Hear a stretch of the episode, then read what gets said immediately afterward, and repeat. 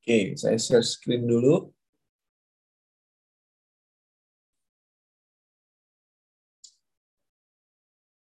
Oke, so hari ini kita akan bahas tentang tadi how long does it take to get in shape ya. Dan ini ada fact check.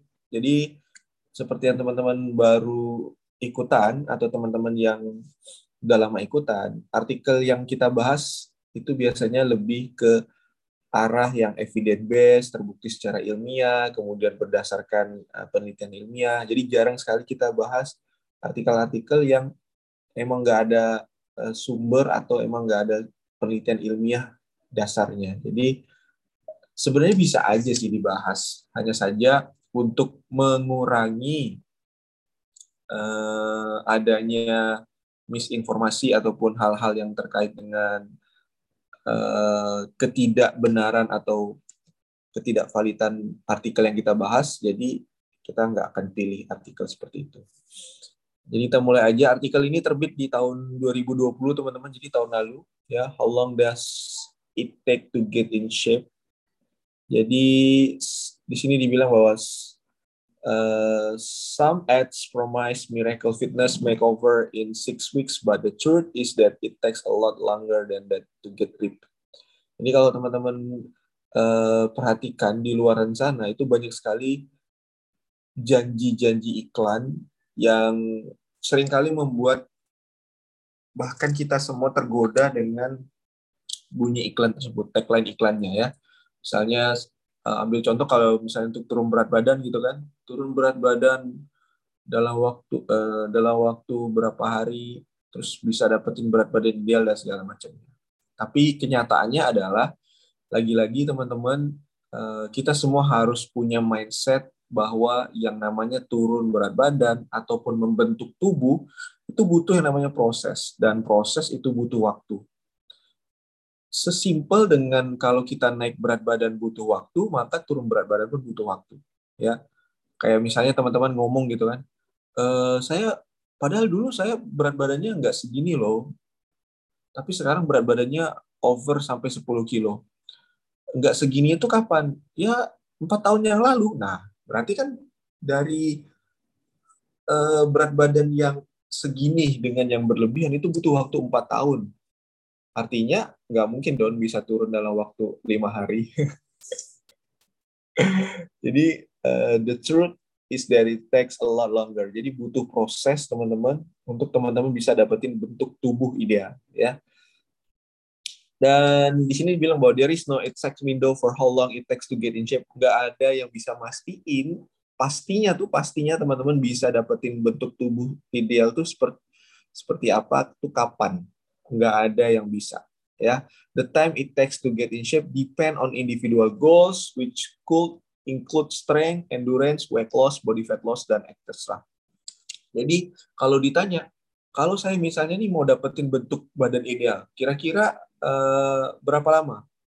Jawabannya adalah tergantung. Tergantung apa? Tergantung dari goals kamu ya. Kamu tuh pengennya seperti apa? Body fatnya tuh mau se ada orang yang body fatnya 23 persen udah cukup. Ada orang yang pengen 20 persen, ada orang yang pengen 15 persen. Ya. Jadi depend on individual goal. Balik lagi ke orangnya masing-masing.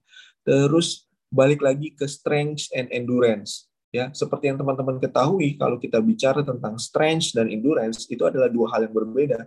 Kenapa? Karena olahraganya pun beda, teman-teman. Gerakannya beda, jenisnya juga beda. Kalau kita bicara strength, biasanya kita bicara tentang weight training. Jadi kita angkat beban. Kalau kita bicara endurance, maka kita bicara tentang uh, seberapa lama kita, kemampuan fisik kita. Nah, itu beda lagi ya. Misalnya teman-teman yang lari atau teman-teman yang berenang atau teman-teman yang sepeda ya. Teman-teman kita yang sepeda ada yang mampu cuma 10 kilo, ada yang 100 kilo, ada yang 50 kilo, tergantung dengan strength dan endurance-nya. Dan yang ketiga tergantung dengan weight loss dan yang keempat adalah tergantung dengan body fat loss. Ya salah satunya kaitannya dengan komposisi tubuh. Jadi kalau teman-teman bilang, saya pengen dapetin uh, bentuk tubuh dalam waktu empat minggu, bisa nggak? Balik lagi, olahraganya gimana? Terus uh, program dietnya seperti apa? Supaya apa? Supaya komposisi tubuh teman-teman itu at least minimal masa ototnya naik, airnya naik, tapi fatnya berkurang ya. Nah, kemudian yang ketiga adalah increasing your physical activity level is likely to make you feel better before you see noticeable result. Hal yang paling penting dan harus teman-teman mulai perhatikan adalah meningkatkan level aktivitas fisik teman-teman. Banyak orang di luar sana yang turun berat badan itu menganggap bahwa olahraga yang dia lakukan terus-menerus tanpa adanya peningkatan itu akan berdampak uh, secara signifikan terhadap hasilnya. Kenyataannya adalah itu keliru, teman-teman. Ketika berat badan teman-teman uh, 60 kg, teman-teman melakukan uh, apa olahraga 10 menit atau 15 menit, oke, okay, mungkin itu bisa berdampak. Tapi ketika teman-teman sudah mulai menuju ke 50 kilo, ke 47 kilo, itu butuh peningkatan. Makanya disarankan ketika teman-teman berolahraga, itu jangan hanya terpaku pada eh, durasi atau dengan jenis yang sama terus, tapi lakukan variasi dan lakukan peningkatan. Sehingga teman-teman bisa ya minimal mendapatkan hasil yang berbeda dibanding ketika teman-teman baru memulai olahraga ya dan yang keempat adalah the type of exercise select, uh, selected and a person's beginning fitness level are important factors. Dan ini yang paling penting teman-teman. Jenis olahraga yang teman-teman pilih dan level fitness teman-teman di awal pada saat teman-teman memulai itu adalah faktor yang paling penting untuk bisa mendapatkan bentuk tubuh yang ideal. Ya, makanya disarankan untuk bisa dapetin bentuk tubuh yang lean ya, lean teman-teman. Terus uh, punya tone di bagian otot-otot tubuh itu lebih uh, propernya ke angkat beban atau body weight training, push up, squat, uh, pull up, kemudian lunges, lebih ke gerakan-gerakan fungsional. Atau teman-teman boleh ke gym, udah mulai angkat beban, ya supaya bentuk tubuh teman-teman itu lebih lebih apa ya namanya lebih kencang, lebih lean ya. Nah, kemudian marketing campaign might claim otherwise, but the truth is there is no quick way to get fit. Nah, ini kata kuncinya teman-teman. There is no quick way. Gak ada cara pintas, gak ada jalan pintas. There is no shortcut. Gak ada cara eh, teman-teman uh, untuk bisa dapetin bentuk tubuh yang ideal dengan cara yang uh, gak ngapa-ngapain misalnya itu kan seperti saya mau uh, nggak ngapa-ngapain tapi bisa bisa dapat berat badan ideal nggak mungkin ya. If a gym trainer or a class promises to make all your dreams come true in six weeks, run, don't walk. In the other direction, New York-based certified personal trainer Lisa Snow, president of the Men Customized Fitness and Massage Talk Helpline. Jadi kalau misalnya ada gym, ada trainer, atau ada program yang menjanjikan teman-teman bisa dapetin bentuk tubuh teman-teman ideal hanya dalam waktu enam minggu, hindari katanya. Kata si uh, Lisa Snow ini teman-teman. Even natural exercise won't see fitness miracle anytime anytime soon. Jadi mau teman-teman mau ikut gym, teman-teman mau ikut kelas, ikut program, atau teman-teman melakukan olahraga secara uh, alami di tempat teman-teman, itu nggak mungkin uh, apa dalam waktu hanya enam minggu teman-teman langsung dapat bentuk tubuh yang ideal. Sekali lagi ini bentuk tubuh teman-teman, bukan berat badan. Ya, some people seem to put on muscle at a much quicker pace than others. Although nobody is going to look like Vin Diesel overnight. Ya, jadi ada orang yang Eh, bisa dapetin berat badan bukan. Ada orang yang bisa dapetin bentuk tubuh ya uh, muscle tone-nya lebih cepat dibandingkan orang lain tapi nggak ada yang bisa jadi seperti Vin Diesel dalam waktu satu malam ya. One Older 2004 jadi ada dua uh, di tahun 2004 teman-teman dilakukan penelitian di Universitas Wisconsin bahwa dikatakan mereka itu melakukan penelitian selama enam minggu ya enam minggu ke pada 25 sedentary men ya sedentary men Sedentary itu artinya orang-orang yang malas gerak ya, yang aktivitas kesehariannya hanya duduk atau misalnya pokoknya nggak ada aktivitas biasanya pasif ya. Ini adalah gaya hidup sedentary. Jadi 25 orang laki-laki sedentary diteliti teman-teman selama enam minggu. Uh, three 20 minute kardiovaskular ya. Jadi ada yang eh, menggunakan jenis olahraga kardio. Kemudian 30 menit high intensity. Terus total body strength trainingnya juga menggunakan total body strength. Jadi dia pakai tiga olahraga. Pakai kardio pakai high intensity. Terus yang ketiga adalah body strength training kemudian hasilnya ternyata teman-teman a group of finalists rate the men's appearance at the start at end of the study based on photo after six weeks the rating were unchanged. Gak ada perubahan sama sekali. Jadi enam minggu dilakukan dilakukan olahraga terus menerus teman-teman pakai kardio terus pakai high intensity terus pakai strength training nggak ada perubahan sama sekali even the men's rating of their own appearance were pretty much the same after six weeks jadi nggak ada perubahan Also, objective sign of fitness like percent body fat, number of push-up, and oxygen efficiency didn't improve over the course of the study.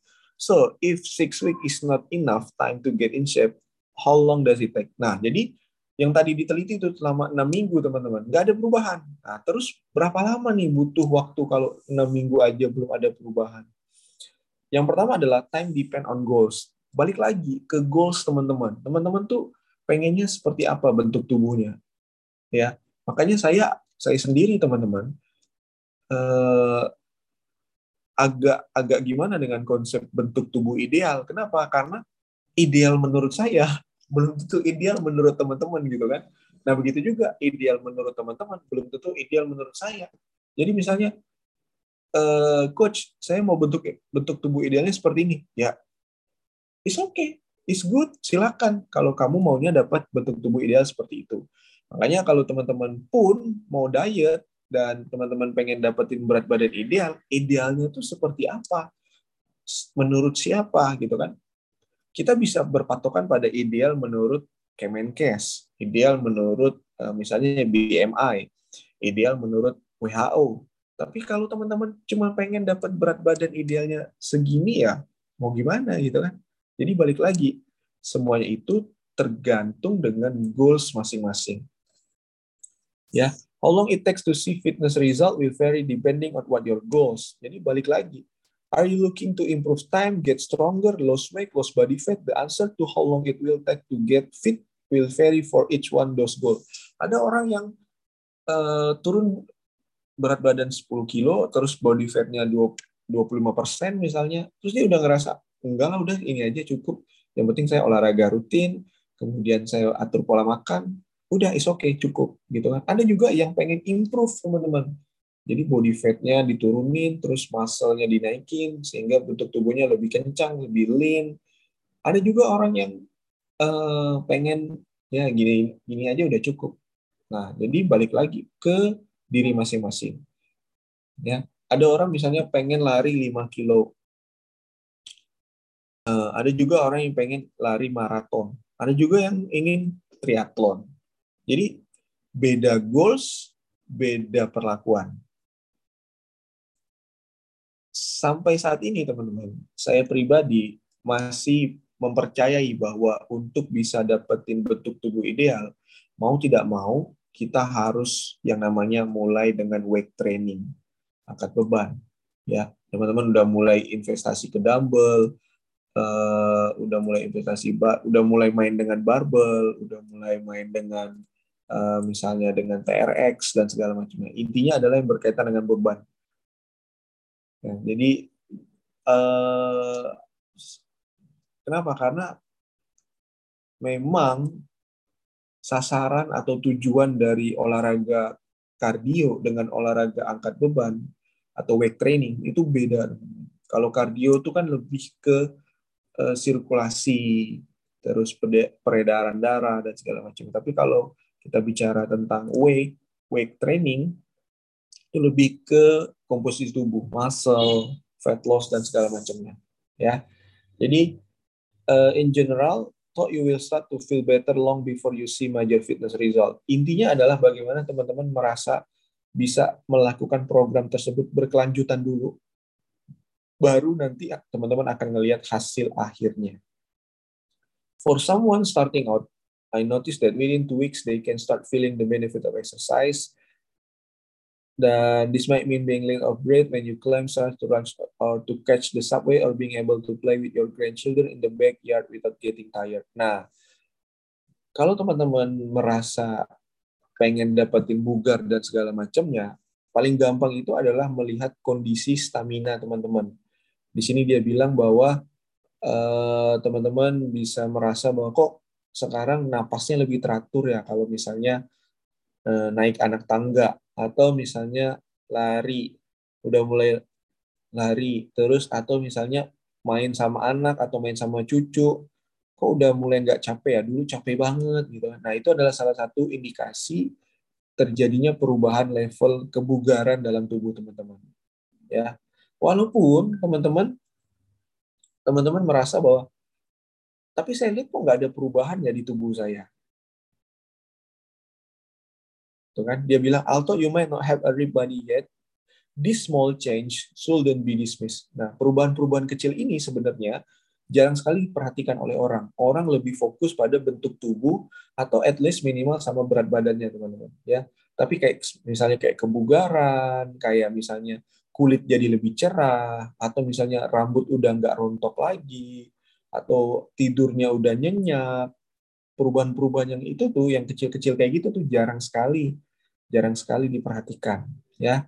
The mental benefit of getting active are even more important than the external change we are also concerned about seeing ya. Jadi Samantha Clayton bilang bahwa mental benefit jadi manfaat yang ada kita rasakan di mental kita, di pikiran kita, terus di dalam kita itu lebih penting sebenarnya daripada apa yang kita lihat. Ya karena eh, bahkan teman-teman kemarin saya belajar pun yang namanya yang namanya sehat itu bukan hanya secara fisik tapi juga mental gitu. Apalagi sekarang ini kan lagi eh, apa gencar-gencarnya orang mengkampanyekan mental health daripada eh, yang sehat secara fisik gitu kan. Karena banyak orang yang dilihat sehat sehat teman-teman secara fisik tapi mentalnya nggak sehat ya. Jadi apalagi kalau kita bicara tentang dunia perdayatan gitu kan. Kita lihat orang wah kamu berat badannya kok bisa ini sih terjaga gitu terus badan kamu bagus banget gitu kan. Tapi di dalam mentalnya struggle nyiksa diri rela ngelakuin apa pun, depresi dan segala macamnya. Hidupnya tuh nggak enjoy. Ya, jadi mental benefit is more important teman-teman.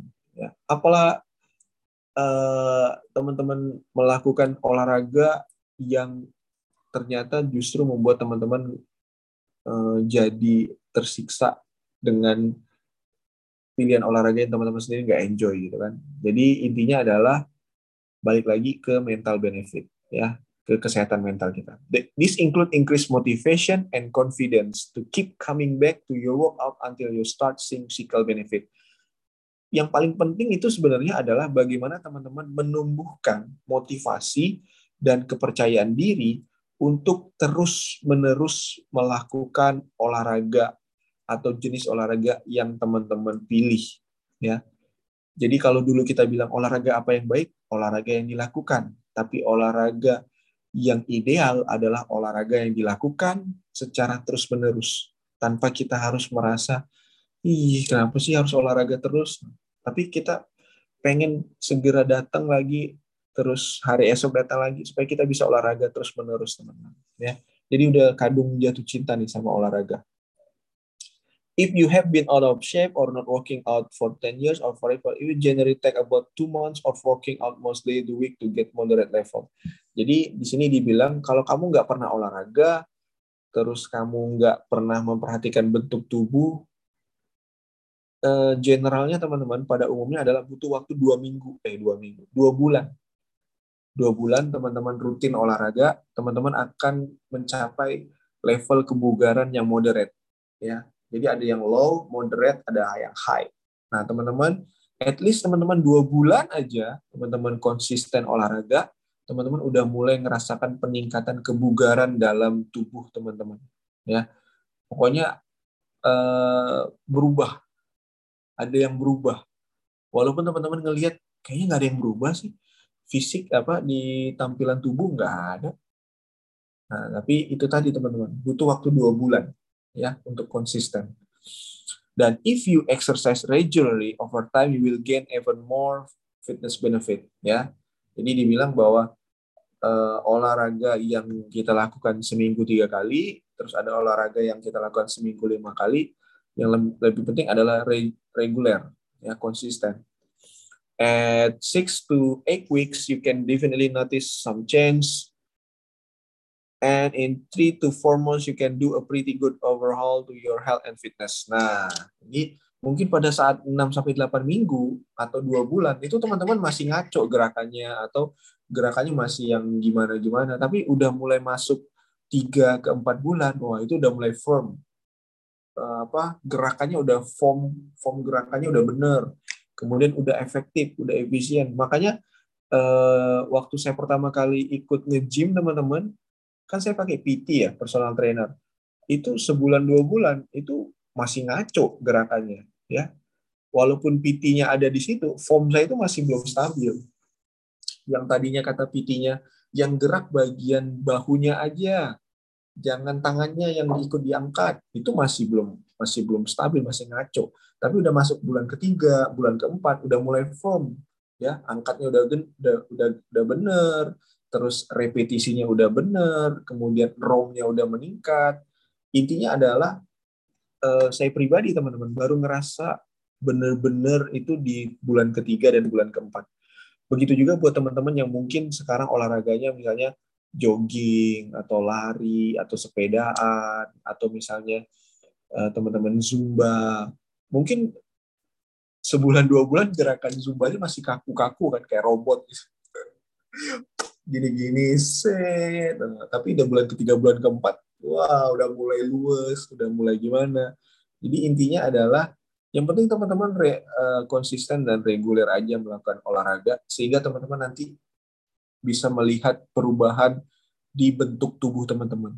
Ya udah mulai armpitnya udah mulai lemak-lemak di bagian uh, ketiak udah mulai berkurang, kemudian uh, apa bokong udah mulai kebentuk, terus paha udah mulai kelihatan kecil dan segala macamnya.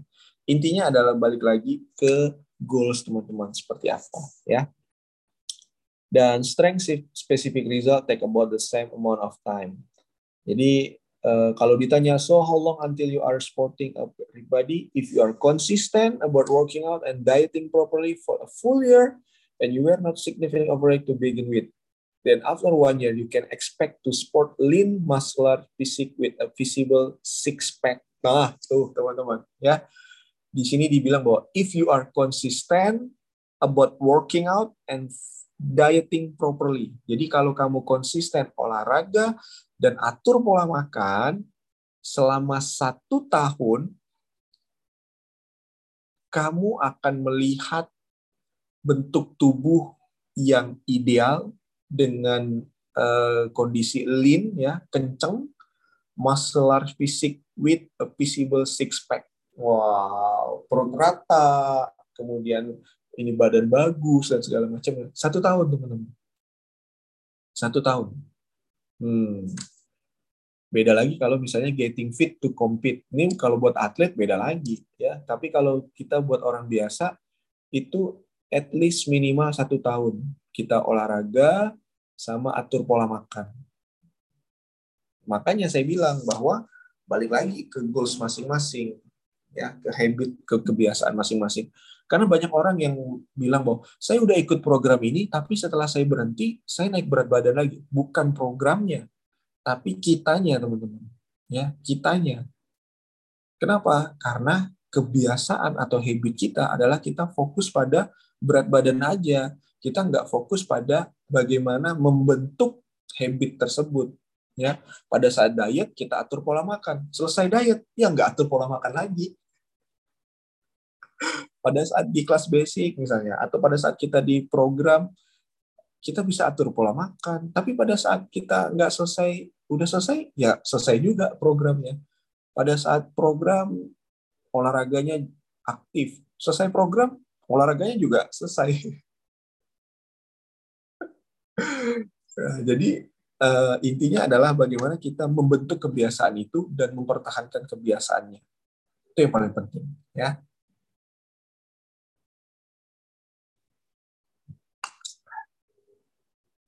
Terus uh, di sini dibilang bahwa not everyone likes getting fit just for the sake of getting fit. Jadi nggak semua orang tuh pengen uh, bentuk tubuh yang seperti atlet.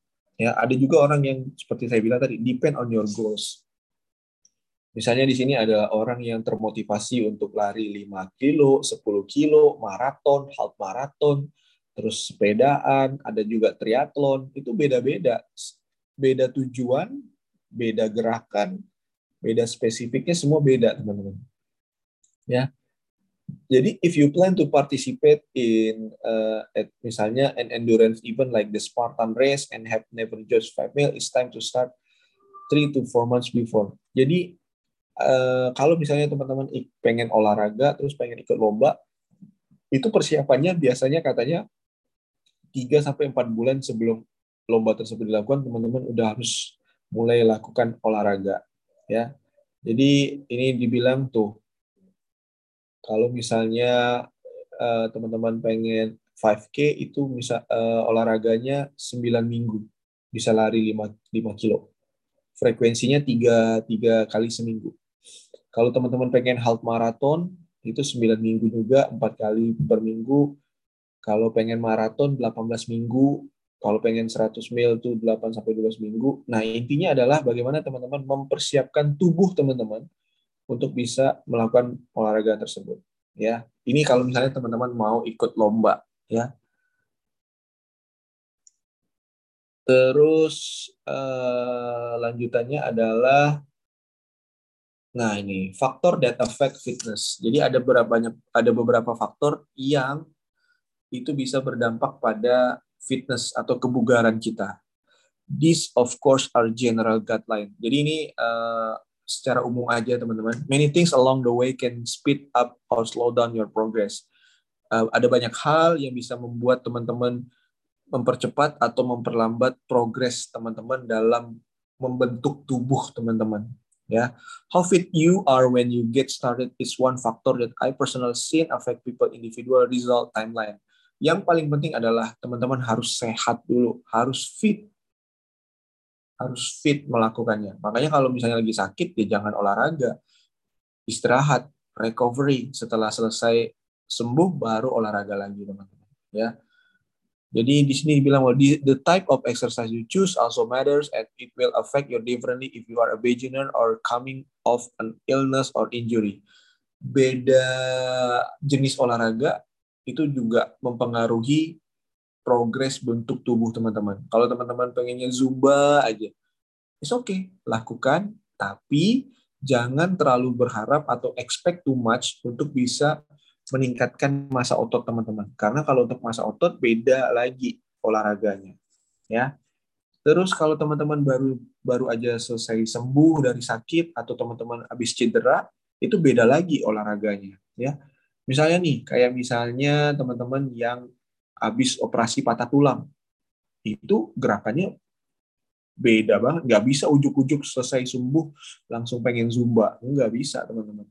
Waktu itu teman saya patah tulang, eh, terus ada terapi dulu untuk bisa jalan dan segala macamnya. Habis itu eh, mau mulai olahraganya juga butuh waktu recovery satu tahun. Pokoknya beda beda kondisi tubuh seseorang, beda jenis olahraga, beda juga hasilnya, ya.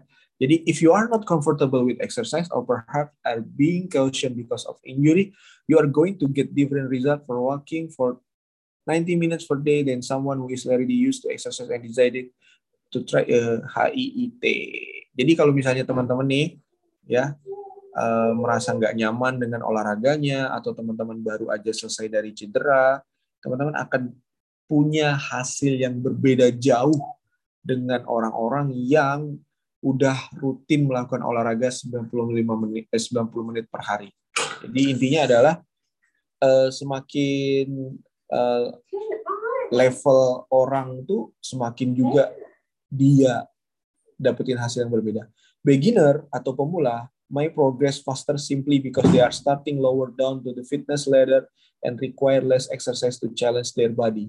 Beginners see huge jumps in strength across the board every week with proper training. Jadi sekali lagi tiap orang punya kondisi kebugaran yang beda-beda ya that's why teman-teman. Kalau teman-teman ikut personal trainer atau teman-teman uh, apa uh, ngajakin temannya olahraga itu nggak bisa tuh tiba-tiba kita mengukur ke level kebugaran kita dengan level kebugaran orang lain. Karena misalnya nih kita ajak keluarga kita uh, apa jogging, kalau dia nggak pernah sama sekali olahraga, itu pasti beda banget levelnya. Ya, jadi eh, dengan kita sadar bahwa level kebugaran tiap orang beda-beda, maka kita nggak bisa mengukur level kebugaran orang dengan level kebugaran kita. Ya, sama seperti kayak berat badan kan. Kita nggak bisa mengukur berat badan kita dengan berat badan orang lain. Yang bisa kita ukur adalah berat badan kita sekarang dengan berat badan kita yang kemarin. Atau level kebugaran kita yang sekarang dengan level kebugaran kita yang kemarin. Terus eh, di sini dibilang bahwa tuh pada tahun 2007 teman-teman dilakukan penelitian eh, pada wanita yang eh, sedentary or with overweight or obesity into three groups ya. Jadi ada penelitian di tahun 2007 pada para wanita yang pertama adalah mereka olahraganya 50% aja, ada yang mereka olahraganya 100%, ada yang mereka olahraganya 150%. Dan dilakukan selama kurang lebih enam bulan, Ya, ternyata eh, didapatkan hasil. An increase in fitness doesn't seems like a lot, but if you have been inactive for a long time, it can be huge. Jadi kalau kita lihat secara level kebugaran mungkin nggak ada perubahan yang signifikan, tapi kalau kita lihat dari kondisi yang tidak pernah melakukan olahraga, itu besar banget perubahannya, teman-teman.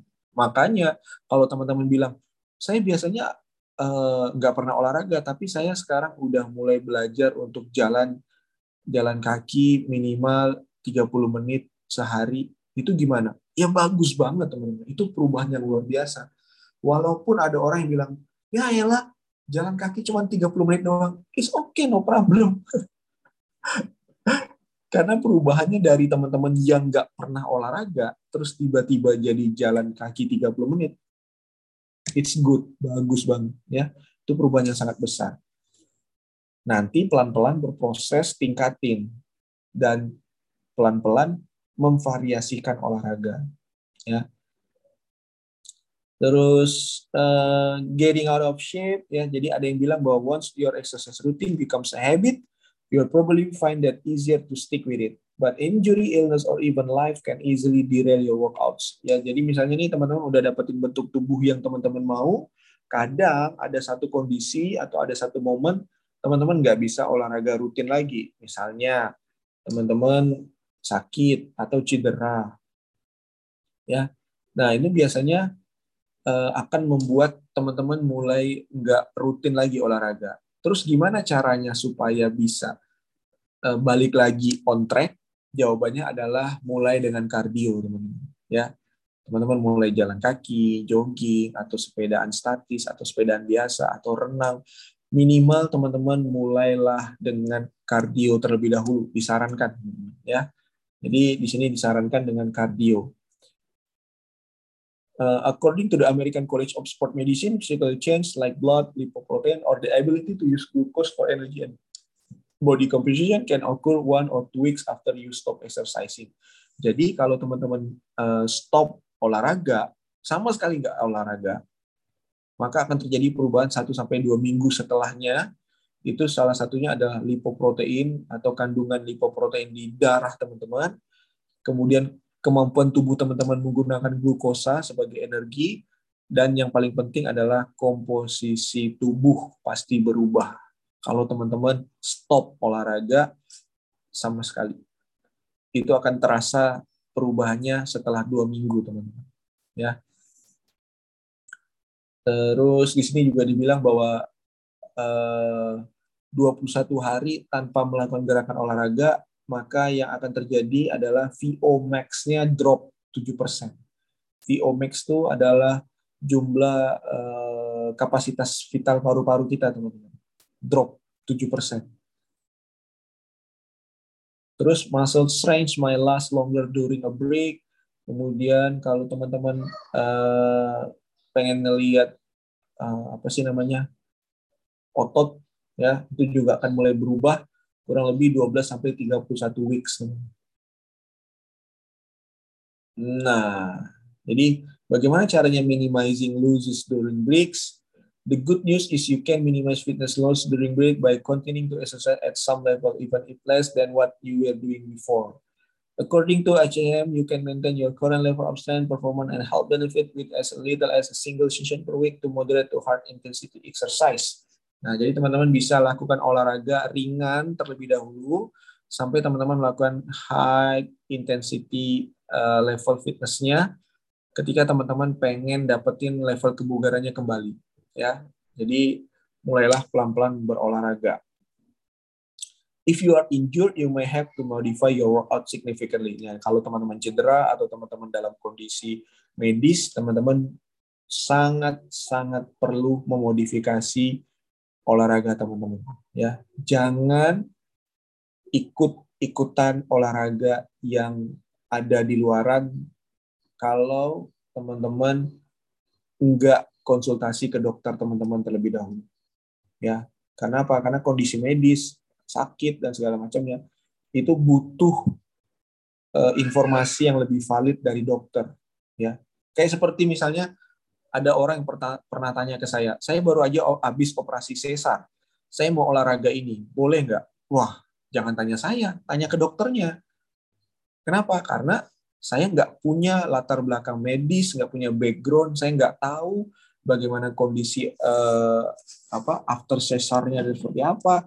Ada banyak faktor yang harus dipertimbangkan untuk memulai olahraga tersebut. Makanya saya sarankan teman-teman kalau ada kondisi medis seperti itu, tanya ke dokternya. Ya, intinya itu yang paling penting. Nah, setelah udah tanya ke dokter, do and don'ts-nya udah tahu, baru kita bisa sampaikan ke misalnya ke personal trainer kita atau kita bisa sampaikan ke coach kita bahwa kata dokter saya, saya harus bla bla bla bla bla bla bla nanti baru dimodifikasi gerakannya, ya. Dan yang terakhir teman-teman, eh, di sini dibilang bahwa nobody is going to look like Vin Diesel overnight. Nggak ada satu orang pun yang akan berubah hanya dalam waktu satu waktu singkat. Nggak ada. Butuh proses, teman-teman. Dan di sini juga dibilang bahwa the mental benefit of getting active are even more important than the external changes when we are so concerned about seeing. Jadi sekali lagi, sehat itu bukan hanya secara uh, fisik, tapi juga mental. Dan yang terakhir adalah the longer and more consistent you've been working out and training, the less of an impact a break will have on you. Jadi paling penting adalah is okay no problem kalau misalnya teman-teman tiba-tiba nggak bisa olahraga atau tiba-tiba ada satu waktu teman-teman harus uh, miss dan segala macamnya is okay no problem. Tapi yang penting adalah apa? Jangan lupa untuk back on track. Karena orang tuh kadung kalau udah hilaf, tiba-tiba langsung amnesia. lupa. Lupa ingatan, pada lagi program. Jadi kalau misalnya teman-teman miss, no problem, langsung back on track. Back on track, back on track. Ya. Oke, sudah selesai uh, sesi kita pagi hari ini.